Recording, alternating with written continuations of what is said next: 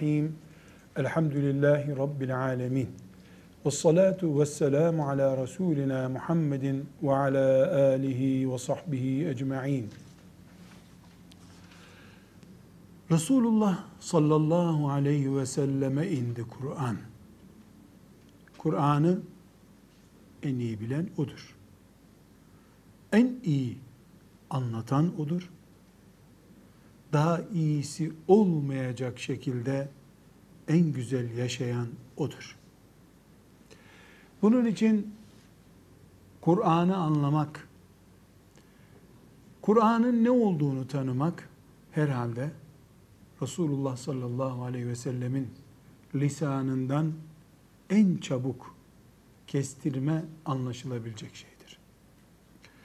İstedik ki Resulullah sallallahu aleyhi ve sellemin hadisi şeriflerinden bir on tanesini okuyup Resulullah'ın lisanındaki Kur'an'ı tanıyalım.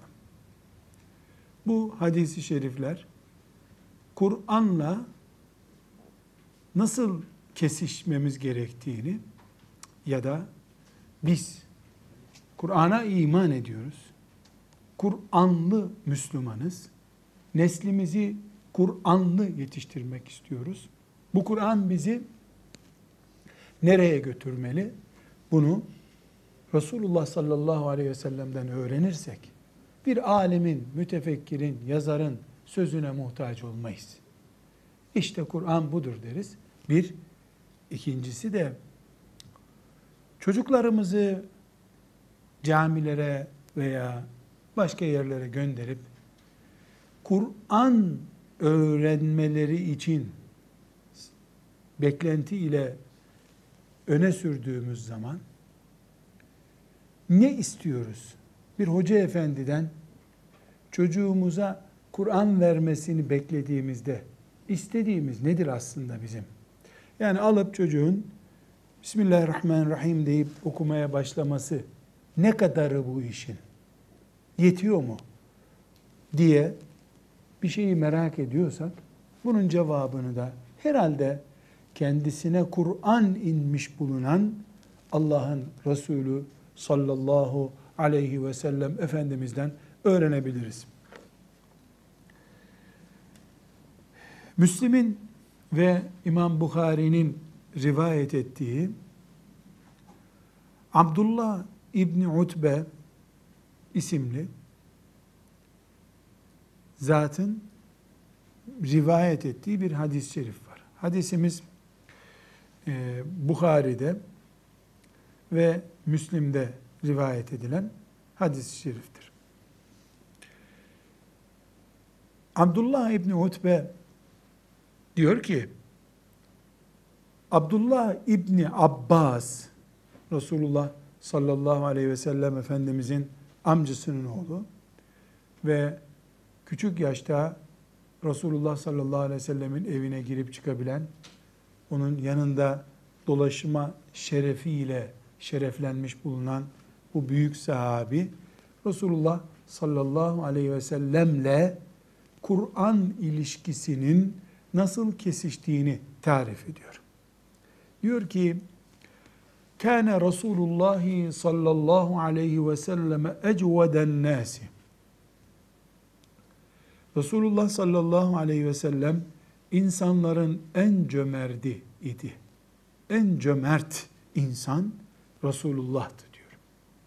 O toplumda ondan daha cömertini kimse bilmiyor. وَكَانَ اَجْوَدَ مَا يَكُونُ ف۪ي رَمَضَانَ حِينَ يَلْقَاهُ جِبْرِيلُ aleyhisselam. ve Ramazan ayında Cebrail aleyhisselamla buluştuğu hani mukabele okumak için Cebrail'in önünde buluştuğu zaman da her zamankinden daha cömert olurdu. Resulullah sallallahu aleyhi ve sellem çok cömertti. Ramazan-ı Şerif'te daha cömert olurdu. Ve kana Cibril yelqahu fi kulli leyletin min Ramazan feyudarisuhu'l Kur'ane. Cebrail de onunla her gece, Ramazan'ın her gecesinde buluşur ve Kur'an okurlardı. Daha önce bunu konuşmuştuk. Cebrail aleyhisselam gelir. Resulullah sallallahu aleyhi ve sellem onun dizinin dibinde oturur. Yani Cebrail aleyhisselam ona bir hoca gibi önünde durur. Oturur. Efendimiz de o güne kadar inmiş bulunan Kur'an ayetlerini okurdu. Kale fele Resulullah sallallahu aleyhi ve sellem hine yelkahu Cibrilu ecvedu miner rihil murseleti. Resulullah sallallahu aleyhi ve sellem Cebrail ile buluştuğu zaman bu sözünü ettiğimiz Ramazan gecelerinde esen bir rüzgardan daha cömertti.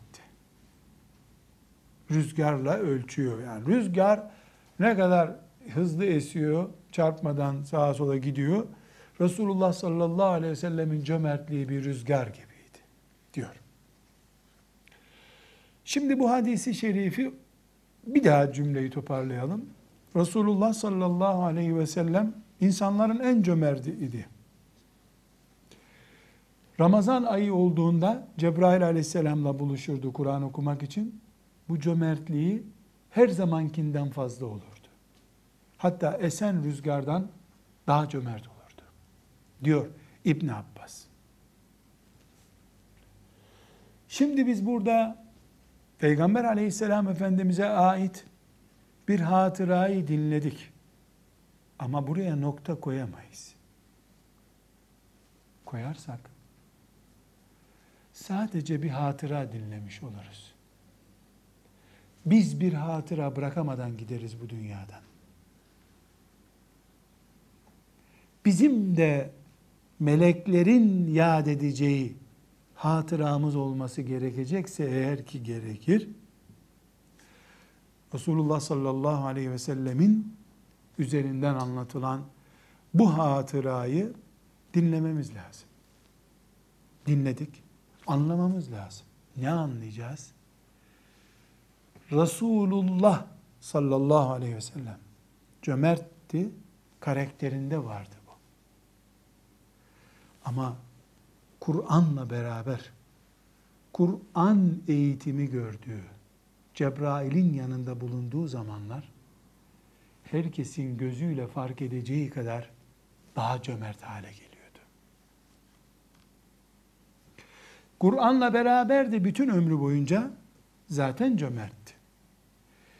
Kur'an'la beraberliği Cebrail geldiği için her gece Kur'an'la beraberliği artınca cömertliği de arttı.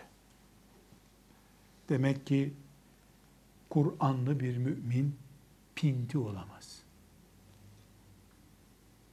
Kur'anlı bir mümin ayn, gayn, fe, kaf, kef öğrenmeden mala esaret etmemeyi, mala esir olmamayı, cömert olmayı da öğrenmesi gerekiyor demekti. Kur'an öğrenmenin temel şartlarından biri. Sadece alfabesini öğrenmek yetmiyor. Kur'an'ın karakterini de öğrenmek şart. İşte Resulullah sallallahu aleyhi ve sellem Efendimiz oturdu. Kur'an-ı Kerim'i Cebrail'in önünde her gün hatmetti. O coşku var olan zaten herkesin bildiği cömertliğini esen rüzgar haline getirdi. Mümin, Kur'anlı mümin, Kur'an'ın ayağa kaldırdığı mümin olduğunu sadece okuyarak değil, mesela cömertleşerek de hissettirmelidir. Nasıl İbn Abbas peygamberinin bu dünyadan ayrıldığından sonra ona ait hatıralardan birini anlatırken Cebrail'in önünde Kur'an okuyacağı gecelerde ne cömert olurdu diye hatırasını naklediyorsa bir mümin olarak ben de benden sonraki hayatım yani benim bu dünyada olmadığım zamanki hayatım insanlar tarafından yorumlanırken veya ben sağım veya ölüyüm melekler tarafından yorumlanırken Kur'an'la haşir neşir oldukça, Kur'an okudukça, dünyaya bağımlılığımın, mala esaretimin de kaybolup gittiğini, cömertliğime cömertlik kattığımı göstermelidir. Kur'an bunun için okunur zaten. Evet. Bir başka hatıra Resulullah sallallahu aleyhi ve sellem Efendimiz'den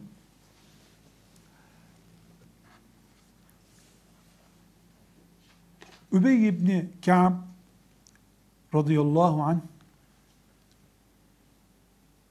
bir hatırasını naklediyor. Bu hatırayı da Enes İbni Malik radıyallahu anh naklediyor. Yani olay Übey ibn Ka'b'le sık sık adını anıyoruz. Kur'an dendikçe kıyamete kadar Übey ibn Ka'b de denecek. En büyük hafız çünkü. Ebu Musa el-Eş'ari denecek. En güzel sesli hafız çünkü. İbn Abbas denecek. En büyük müfessir çünkü. Ali İbni Ebi Talip denecek. Çünkü Kur'an-ı Kerim'i en iyi bilen adam. Radıyallahu anhum cemiyan. Übey ibn Ka'b bir hatıra yaşamış Resulullah sallallahu aleyhi ve sellemle. Enes İbni Malik de bu sahneyi görmüş. Çünkü Enes 9 seneden fazla zaman Resulullah sallallahu aleyhi ve sellemin evinde evlatlık gibi durdu. Evlatlık gibi, evlatlık değil. Akşam evine gidiyordu. Efendimiz sallallahu aleyhi ve sellemin yanında duruyordu. Olup biten olayların çoğunu Enes İbni Malik e, yaklaşık olarak 2000'e yakın hadis naklediyor. Yani büyük bir servet bizim için. Bu olayı da Enes İbni Malik naklediyor. Bu hadisi şerif Tirmizi'de, Hakim'de, Ahmet bin Hanbel'de, Bukhari'de, Müslim'de rivayet edilen çok yaygın, bilinen bir hadis-i şeriftir. Übey ibni Kabe Resulullah sallallahu aleyhi ve sellem bir gün buyurmuş ki Übey gel bakalım buyurmuş. Bana Rabbim sana özel Kur'an okumamı emretti demiş.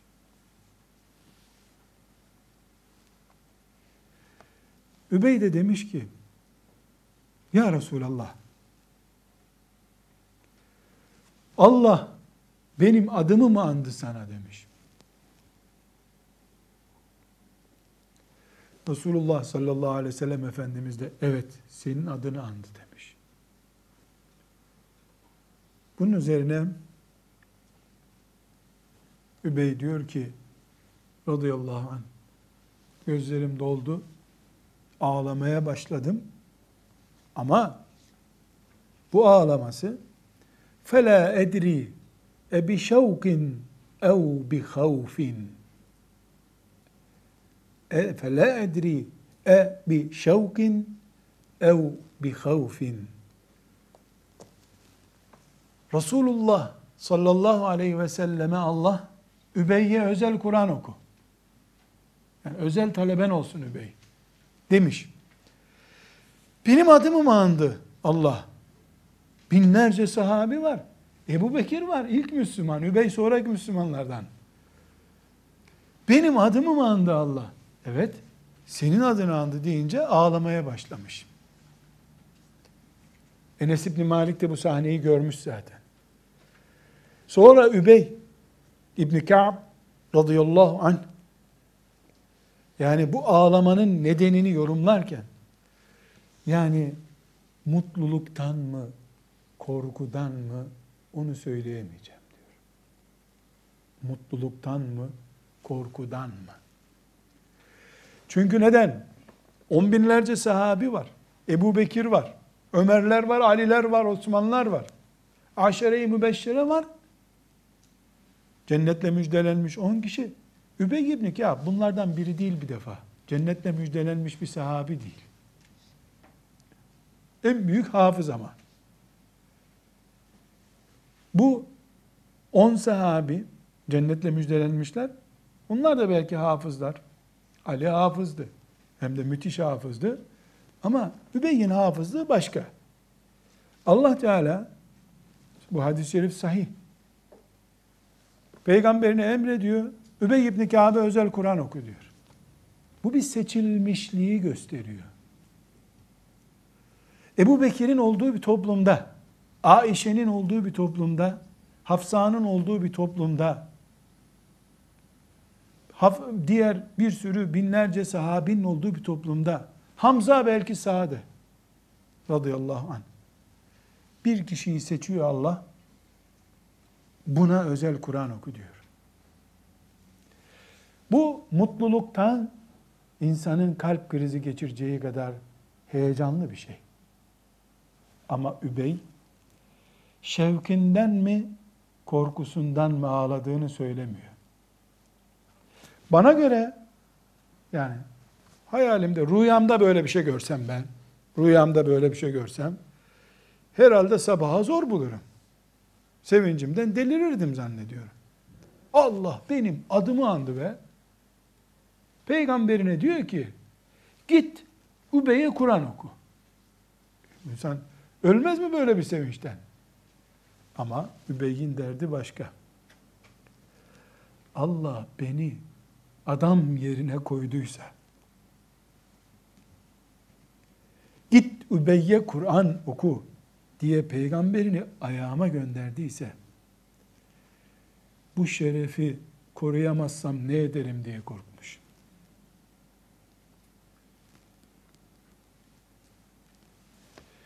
Burada durmak zorundayız. Dedik ki Kur'an okumak. Bismillahirrahmanirrahim. Elem tara keyfe feale rabbuke bi ashabil fil. Sadakallahul azim. Okudun. Ama bir de peygamberinin lisanından sallallahu aleyhi ve sellem ashabının bereketli dilinden Kur'an ne demek? Nasıl bir şeref bu?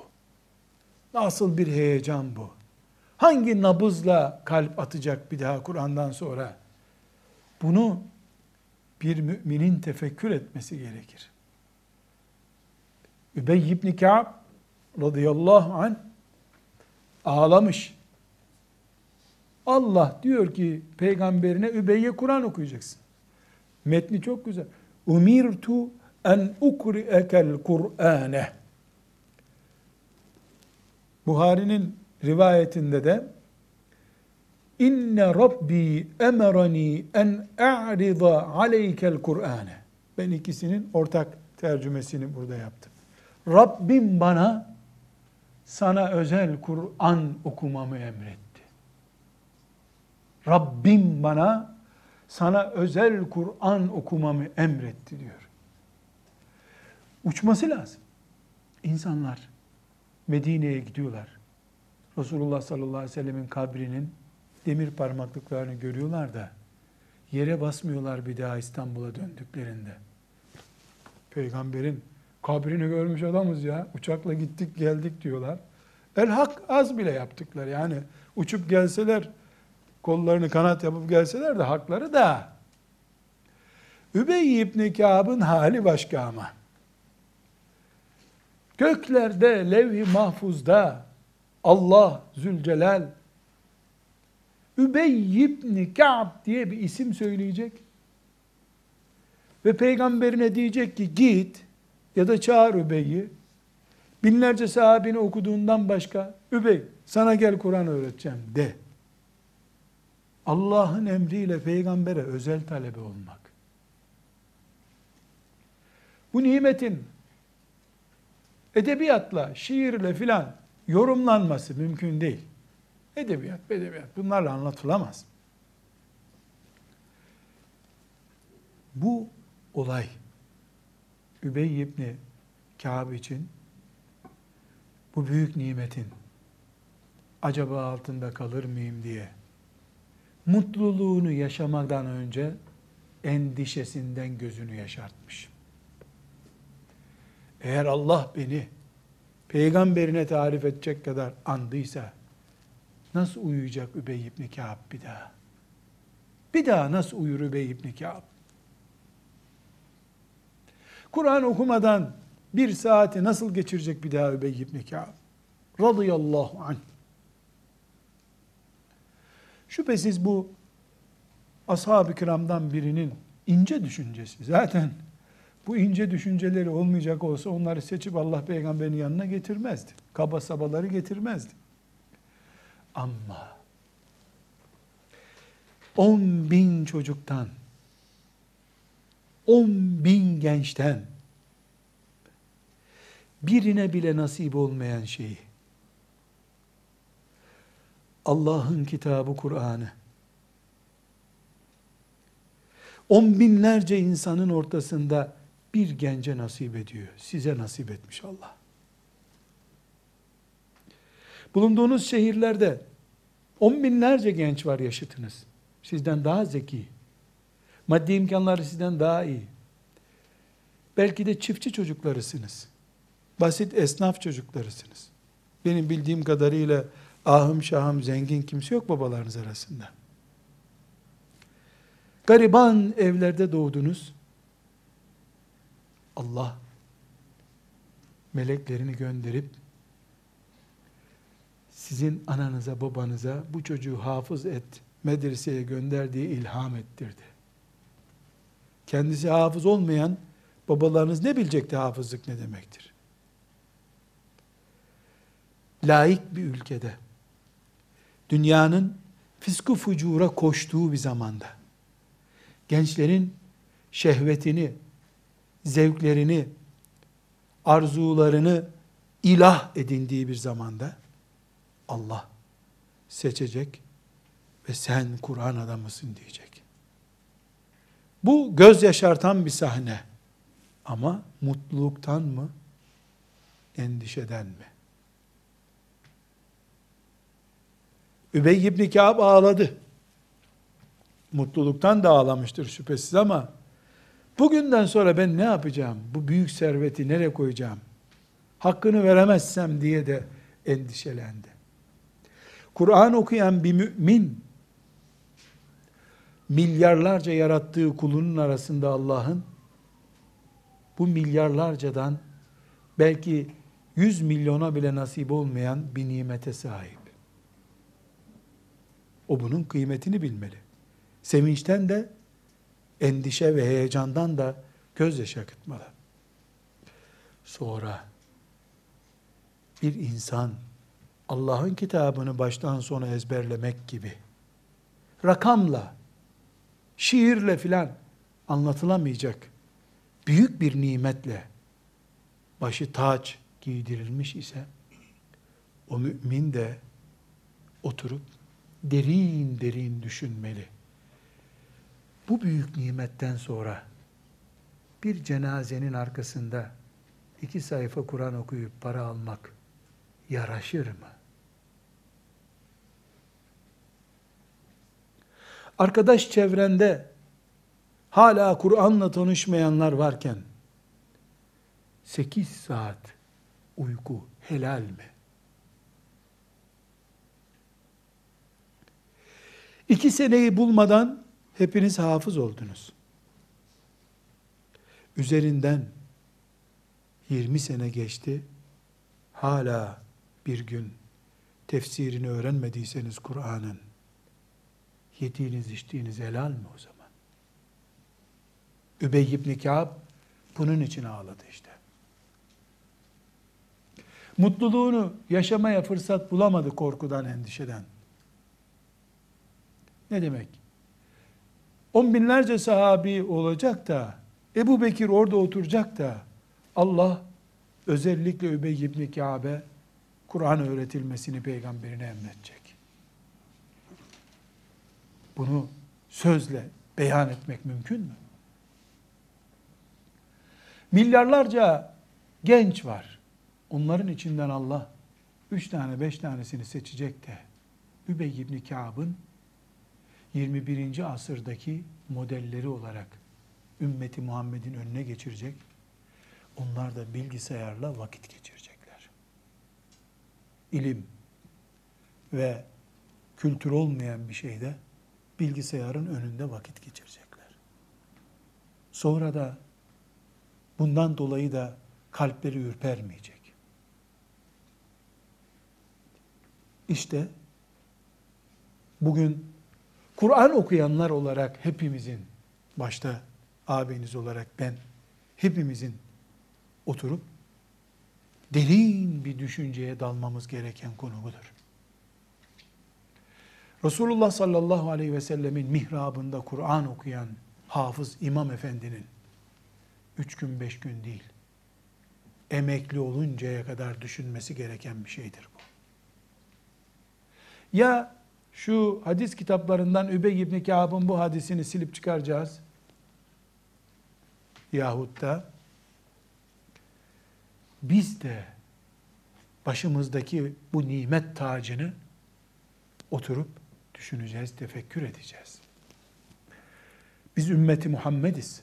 Sallallahu aleyhi ve sellem. Ümmeti Muhammediz. Ulu orta yaşayamayız. Übey ibn Ka'b işte ulu orta yaşayamadı. 10 bin, 20 bin sahabinin içinden ismi seçilmiş bir sahabi olması onu heyecanlandırdı. Sahabelerin içinden seçilmiş olmak bir nimet şüphesiz. İnternet dünyasında boğulmuş, milyarların arasından seçilmiş olmak ise nasıl bir nimettir acaba? Kuyumcunun içinde bir yüzük almak çok bariz bir şey değildir. Yani kuyumcu da yüzük dolu zaten. Bir tanesini aldın. Ama çöplükte yüzük bulsan, çöplükte yüzük çok daha fazla değerli. Bir çöplüğü andıran şu dünya kültürü içerisinde bugün çöplükten de fena bir duruma gelmiş olan gençlik ortamında Allahu Teala'nın seçip Kur'an'la şereflendirdiği insanlar hep ağlamalılar. Ama bu ağlama miskinliğe götürülsün diye değil. Heyecan olsun, zevk olsun diye. İşte ashab-ı kiramın Kur'an okuyuşundan ibret aldığımız zaman biz de Kur'an-ı Kerim'i bu şekilde okumamız gerekir diyoruz. Kur'an-ı Kerim okuyoruz. Mesela hafızım ben. Maazallah, maazallah. Dilim kurusun da öyle bir söz söylemeyeyim bu hayatta. Hafızım, abim var ya da kardeşim var ya da yeğenim var. Mesela doktor, mesela mühendis. Şimdi muhabbet ediyorlar. Siz ne yapıyorsunuz? Mesela hafızım ben. E, kardeşin o işte bilgisayar mühendisi. E biz okuyamadık, nasip olmadı, ona nasip oldu. O bilgisayar mühendisi oldu. Nauzu billah. Ne çirkin bir söz bu. Ne kadar çirkin bir söz. Yani biz gariban kaldık, sadece hafız olduk. O hiç gariban kalmadı. Übey ibn Kâb ise ne anladı? O nasıl baktı? Radıyallahu an. Ne büyük nimet Allah'ın beni seçmesi. Buradaki de e, işte bizim zamanımızda babamın durumu iyi değildi. Beni Kur'an kursuna vermişti. E, abime geldiğinde şey kardeşim işte o, o okudu, o iyi oldu ya, o mühendis oldu. Bazen duyuyorum, kendisi hafız hanımefendiler veya beyefendiler şu cümleyi defalarca duydum. Diyor ki, yani biz yetişemedik çocuğumuz bari bir diploma sahibi olsun. Allah katında en değerli kullarından olacak Allah'ın kendisine hiçbir değer vermiyor. İslam ilim ve diploma düşmanı değil. Ama Kur'an'ı cahilliğin simgesi zannetmek hainliktir. Übey ibn Ka'b radıyallahu anh bu şerefli anlayışı bizi aşılayacak bu hatırayı naklediyor. Allah ondan kıyamete kadar razı olsun. Velhamdülillahi Rabbil Alemin.